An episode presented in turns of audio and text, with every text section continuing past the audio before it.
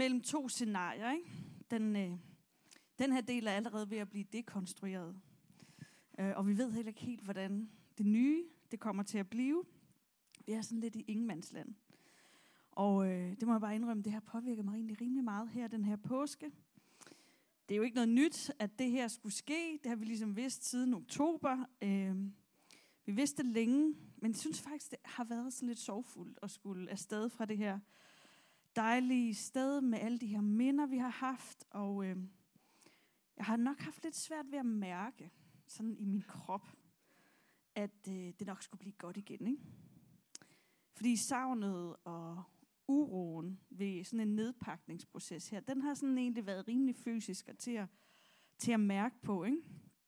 Og øh, den mærkes i hvert fald tydeligere end, øh, end det, der kommer, og som jo rent faktisk heller ikke er der endnu. Så jeg har været sådan lidt det gloomy den her påske. Vi har også været sådan rimelig syge derhjemme, og vi ikke overhovedet været nærmest ude i det der skønne vejr. Det har været sådan virkelig irriterende, faktisk.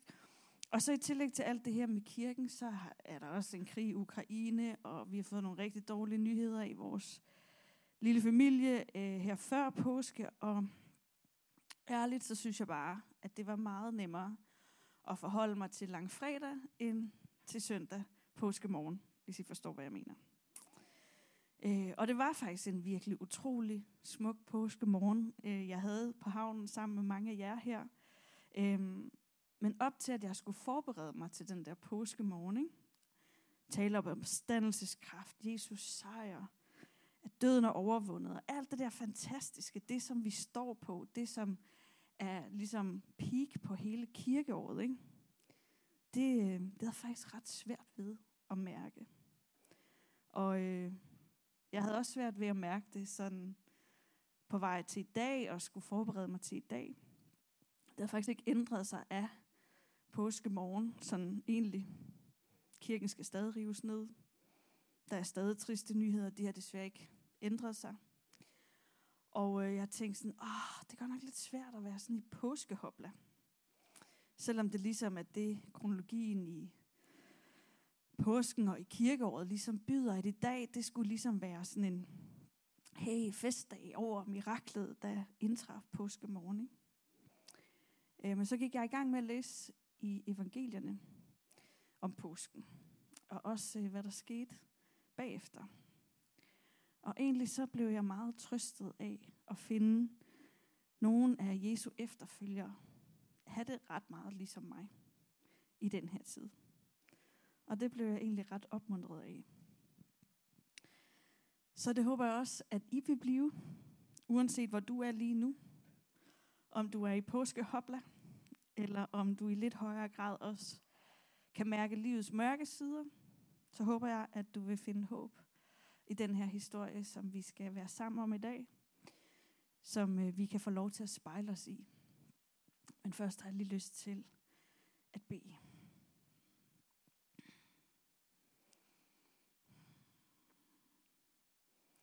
Jesus, tak fordi du er her.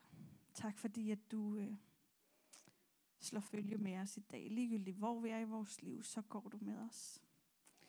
Så øh, har vi mulighed for at gå med dig og stå ansigt til ansigt med dig.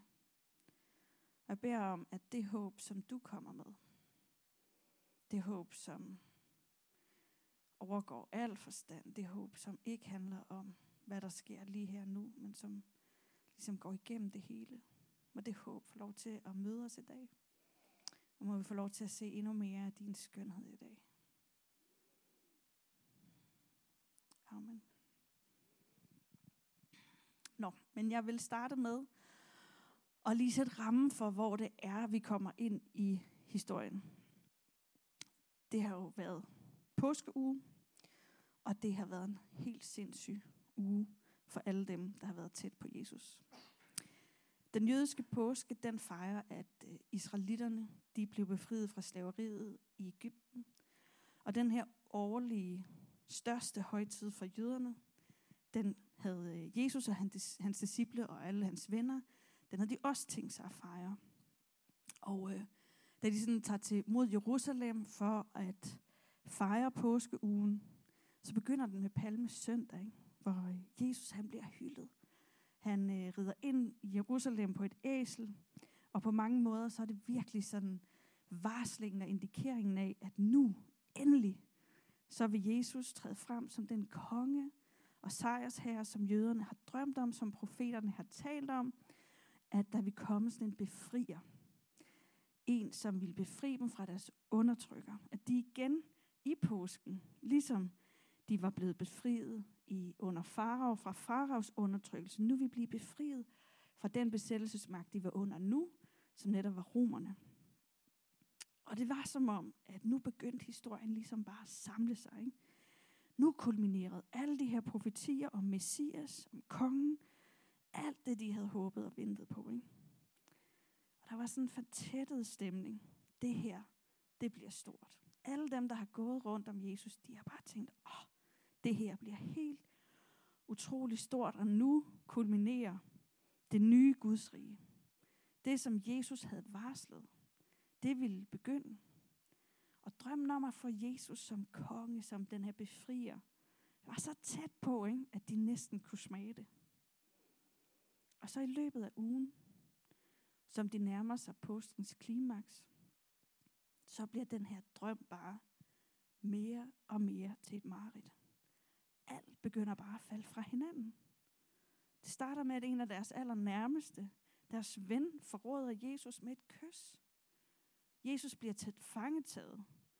Og så begynder redslerne, torturen, ydmygelserne af Jesus og sådan en pseudo rettergang, hvor folkestemningen er så voldsom, at Jesus dømmes til døden og på et kors. Den allermest voldsomme og fuldstændig sønderlemmende henrettelsesmetode, man overhovedet kan forestille sig. Og timerne, hvor de så ham hænge der på korset, havde været så ubærlige. De næsten ikke kunne kigge på det, og redslerne havde bare lammet dem helt inden i kroppen. Og så var han død. Jesus var blevet slået ihjel. Inden det overhovedet var begyndt, så blev han myrdet af den her besættelsesmagt, dem som skulle have befriet dem. De gjorde det. Og siden så havde dem, der var kendt med Jesus, dem, der havde gået omkring ham, de havde gået rundt i sådan en fuldstændig tåge. Mest af alt bare sådan oplevet en kvalme, en knugende fornemmelse indeni. Jesus var blevet lagt i graven. Og nu er vi så her. Det har været påske morgen. Og nu begynder der sådan noget, der også at florere rygter om, at Jesus ikke er i graven mere. Og nogen påstår, at de har mødt den opstandende Jesus. Men det er altså faktisk virkelig forvirrende og svært at vide, hvad det er, man lige skal tro på. Der er sket så meget. Der er sket så mange fuldstændig vanvittige ting. Den sidste uge har været så mættet af indtryk og været så intenst. Og det helt store spørgsmål, der står tilbage, det er, hvad skal alt det her betyde? på en eller anden måde, så kan de bare ikke rigtig komme videre, før at de får afgjort, hvad skal alt det her betyde? Og her er det så, at vi møder nogle af Jesu efterfølgere i Lukas evangeliet på vej mod Emmaus. Og det er en lidt lang tekst. I kan følge med heroppe på skærmen. I kan også lukke øjnene og bare lytte. Og det er altså søndag stadigvæk. Samme dag var to af Jesu tilhængere taget afsted til landsbyen Emmaus, der ligger lidt over 10 km fra Jerusalem. De gik og talte om det, der var sket. Og mens de diskuterede det, kom Jesus selv og fulgtes med dem, men de kunne ikke genkende ham. Hvad går I at tale om, spurgte han. De stansede og så trist på ham. Er du lige kommet til byen, eller hvad?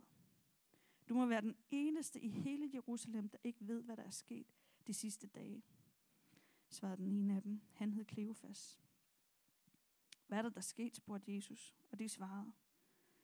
Det med Jesus fra Nazareth. Han var en profet, der kunne gøre mirakler, og hans ord gjorde indtryk på Gud og hver mand. Men alligevel overgav vores præster og ledede ham til romerne og fik ham dømt til en henrettelse på et kors. Vi havde ellers håbet, at det var ham, der skulle befri det jødiske folk. Men nu er det altså tre dage siden, han døde. Og så har nogle af kvinderne oven i købet gjort os fuldstændig forvirret. Tidlig i morges gik de ud til graven og opdagede, at hans liv var væk. De kom tilbage og fortalte, at de havde haft et syn. De havde set nogle engle, der sagde, at han var blevet levende igen. Det fik nogle af disciplene til at gå ud til graven, og de befriede, bekræftede det, kvinderne havde sagt, men ham så de ikke. Tænk jer dog om. Hvorfor har I så svært ved at tro på det, profeterne har sagt, sagde Jesus. Der står faktisk i skrifterne, at Jesus skal mishandles og slås ihjel, før han kan indtage sin plads i himlen. Så viste han dem alle steder i loven og hos profetbøgerne, der handlede om ham, forklaret, hvordan det skulle forstås. De nærmede sig den lille landsby, de skulle besøge, og Jesus lod som om, han ville gå videre. Men de to tilhængere ville holde, ham, holde på ham.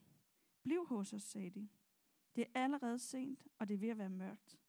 Det gik han med til. Og da de var gået til bords, velsignede han brødet, brækkede det over og gav dem det. Pludselig kunne de se, hvem han var. Men i samme øjeblik, de genkendte ham, forsvandt han for øjnene af dem. Så var det derfor, det var så overvældende, da han forklarede os, hvordan skrifterne skulle forstås, sagde det til hinanden. Med det samme gik de tilbage til Jerusalem, hvor de 11 disciple og resten af tilhængerne var samlet. Det er rigtigt, at Jesus har stået op fra de døde. Peter har set ham, sagde de. De to, der var kommet tilbage fra Emmaus, fortalte, hvad der var sket på vejen, og de havde genkendt Jesus, da, de havde, da han havde brækket brødet og gav dem det. I det samme stod Jesus imellem dem og hilste på dem.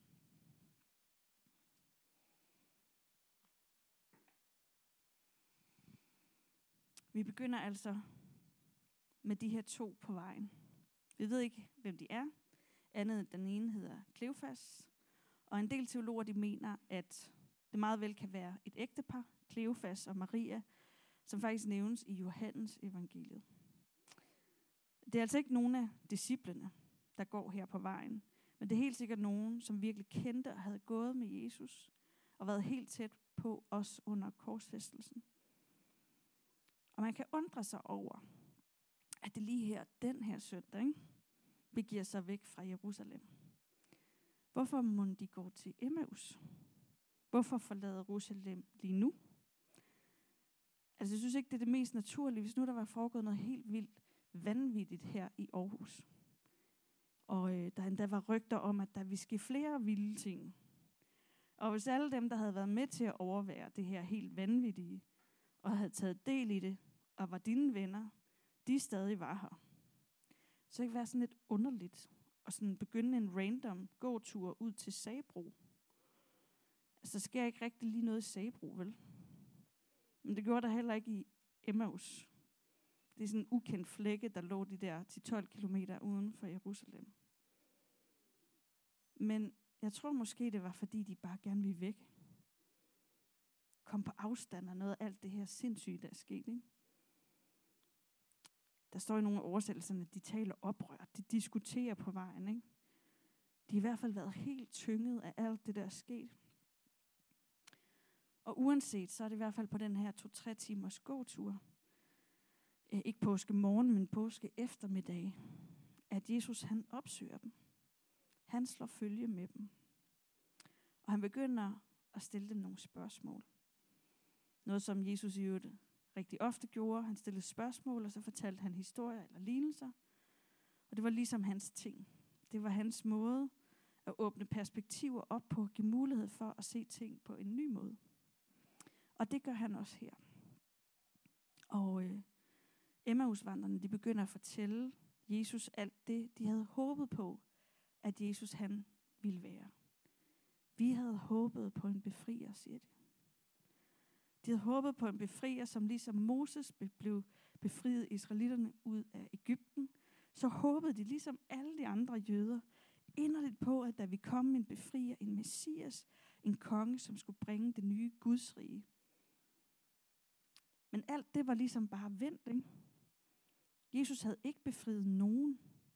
Tværtimod så var han blevet myrdet af den undertrykkende magt, romerne.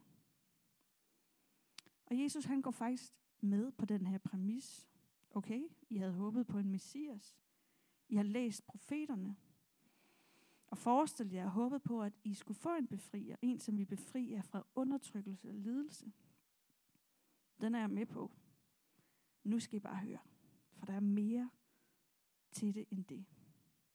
Og så er det, at Jesus arbejder sig igennem profeterne og lovteksterne, det der for os er Gamle Testamente, og udlægger, hvordan og hvor der står om Messias. At de har ret. De har fået en Messias, en konge, men de er til gengæld misset, at Messias, han er også den lidende tjener. Han er begge dele. Og hvor de havde søgt efter en Messias, som skulle sætte dem fri fra smerte og lidelse, så var Jesus den Messias, som vi sætte dem fri gennem lidelse og smerte. Og det havde de misset fuldstændig. Og derfor havde de været så forvirret og ude af stand til at forstå, hvad det var, de havde oplevet, og hvad det skulle betyde. Og det forklarer Jesus dem. At Jesus er genopretteren, han er befrieren, han er helbrederen, han er kongen, men han er også ham, der går gennem smerte og lidelse og død. Han er tjeneren. Han er den ydmyge konge.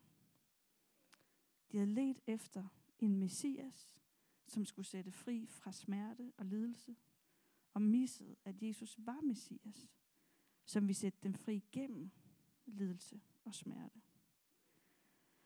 Og alt det her, det udlægger og fortæller Jesus, hvordan det hele taler sammen, hvordan det hele hænger sammen om ham selv. Men de opdager faktisk stadigvæk ikke, at det er ham. Og så er det, at de kommer til Emmaus. De har haft de her to-tre timer sammen. Og så er det sådan en meget klassisk mellemøstlig gæstfrihed, at sige, hey, kom indenfor, ikke? Kom med ind, og de tilbyder mad. Og så er vi ved den næste scene, så er vi ved et bord. Og øh, altså, Jesus han spiser hele tiden i øh, det nye testamente. Ikke? Det er ligesom ikke noget nyt. Og stort set alle fortællinger i Lukas evangeliet, der er de enten lige gået fra et måltid, eller de spiser et måltid, eller så øh, er de på vej til et måltid. Så det er der ikke noget underligt i. De, de sætter sig ved bordet, og øh, han tager brødet, og så bryder han det. Og så åbnes deres øjne. Så åbenbares det pludselig for dem, hvem Jesus er. Og så forsvinder han. Og det er jo bemærkelsesværdigt. Øh, og øh, det ikke er under alle de her lange forklaringer og ude på vejen om skrifterne, hvor al deres forvirring er blevet gjort klar. Nej, det er åbenbaring af, hvem han er. Det sker faktisk først ved brødsbrydelsen. Og de to her, de var jo faktisk ikke øh, disciplene. De var ikke en del af disciplene, og derfor har de nok ikke været med og overværet nadvaren skal torsdag. Men det er alligevel den her brødsbrydelse, som åbner deres øjne. Og her peger Lukas, altså evangelisten, tilbage til det første måltid i Bibelen. Dengang Eva tog den forbudte frugt og gav den til Adam, og de begge spiste, og det oprør, som åbnede deres øjne, som der står i første Mosebog, og åbnede op for, at død og ondskab kom ind i verden, og skabningen faldt. Når det måltid, det første måltid, det bliver rammen, så bliver det tydeligt, at det her måltid, det viser den nye skabelse, som Jesus ved sin lidelse og den måde, han lod sig bryde på, besejrer netop den død og den ondskab, der kom ind i verden ved det første måltid. Og den peger på, hvordan han med sin død, gennem lidelse og smerte, bryder dødens magt. Og selvom de allerede er gået den her vej, og han har gennemgået det på vejen, så er det først nu, at de ikke bare ser frelseren, men også offeret. Ikke bare kongen, men også tjeneren. Og det er hele fortællingen, som Jesus binder sammen. Lige der, med måltidet, den nye måltid, at hans genoprettelse begynder. At slaveriet bliver brudt, og de forstår det, og det åbner deres øjne. Og hvad sker der så? Der står, at de går straks tilbage til Jerusalem. Det har jo været sent om aftenen. I hvert fald har det været mørkt. De, bare, de skal bare tilbage. De går tilbage og fortæller det hele til deres venner, til disciplerne, og så står Jesus der igen. Hvilken kontrast.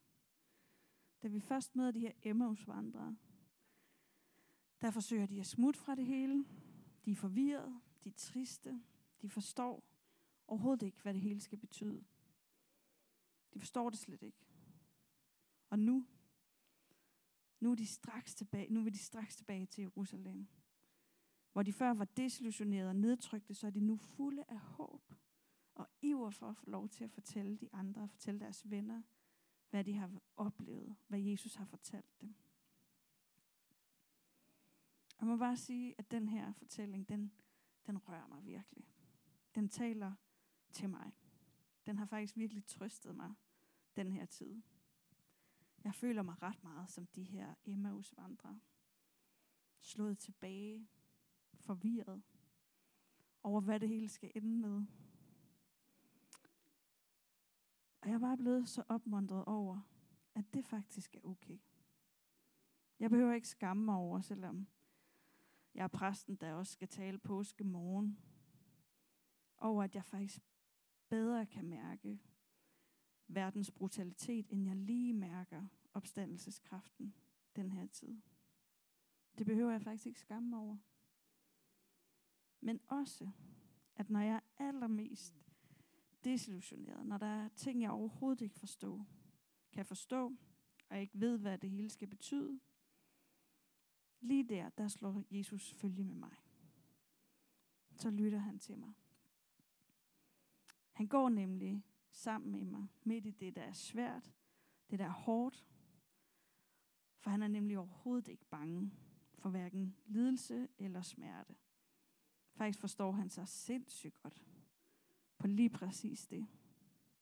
Og han opsøger mig. Måske endda allermest, når jeg er de mørkeste steder. Og så peger han mig til ham. Og på det, han gjorde for mig på korset. På det, der sætter fri.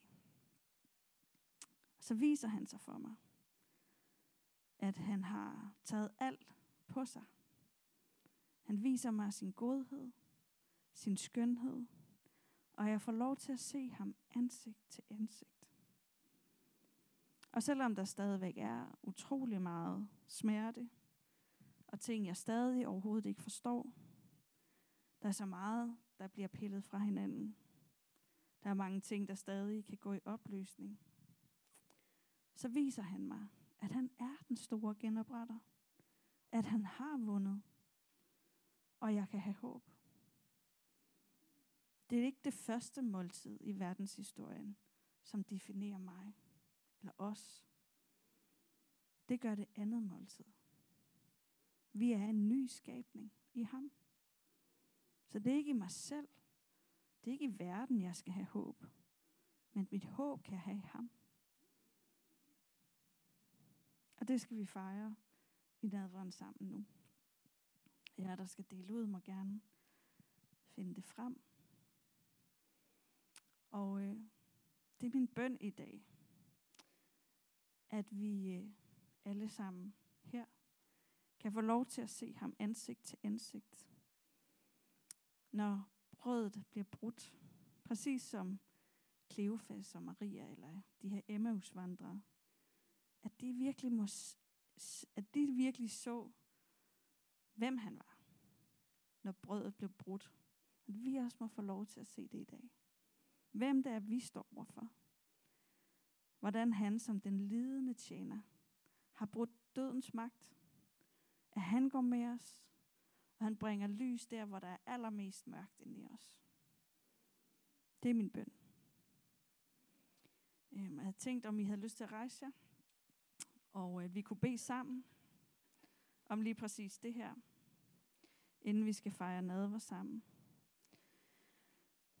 at øh, hvis du har lyst til at være med i den her bøn, så må du meget gerne, så kan du deltage i den, øh, uanset hvad, hvordan du lige gør, men du kan måske også bare lægge en hånd på brystet, eller række en hånd op, sådan, hey, det her det er mig, jeg vil egentlig gerne overgive mig til den her lidelsestjener, at han må få lov til at komme med sit lys ind i mit mørke. Det tror jeg, vi har sådan brug for. Opleve at se ham ansigt til ansigt. Midt i alt det, som er smertefuldt og lidelsesfuldt, at opleve, at han kommer og slår følge med dig. Og øh, ja, hvis du har lyst til at være med i den bøn, så, ja, så er du meget velkommen til det.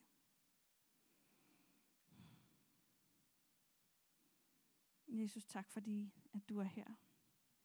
Og tak fordi, at øh, ligegyldigt hvor vi er på vej hen, ligegyldigt hvad der fylder os, så øh, slår du følge med os.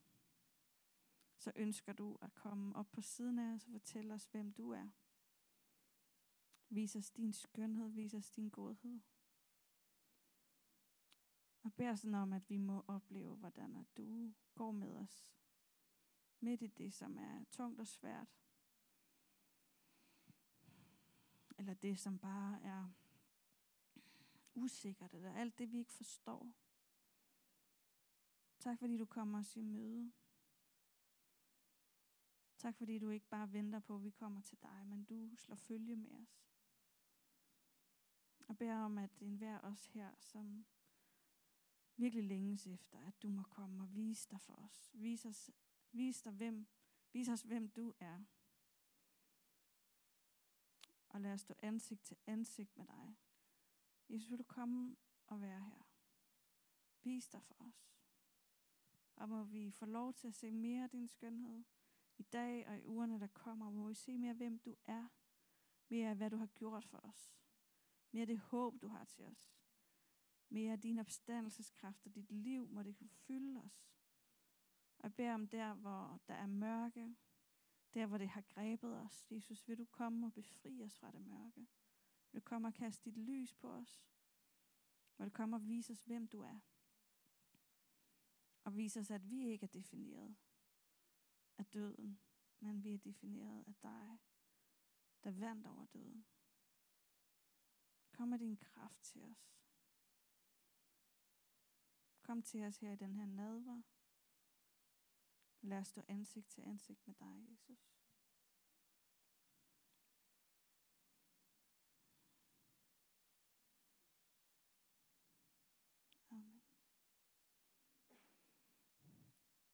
Læse teksten. Den nat, da Herren Jesus blev forrådt, tog han et brød, takkede Gud, brækkede det over og sagde, dette er mit læme, som gives for jer. Spis det til minde om mig.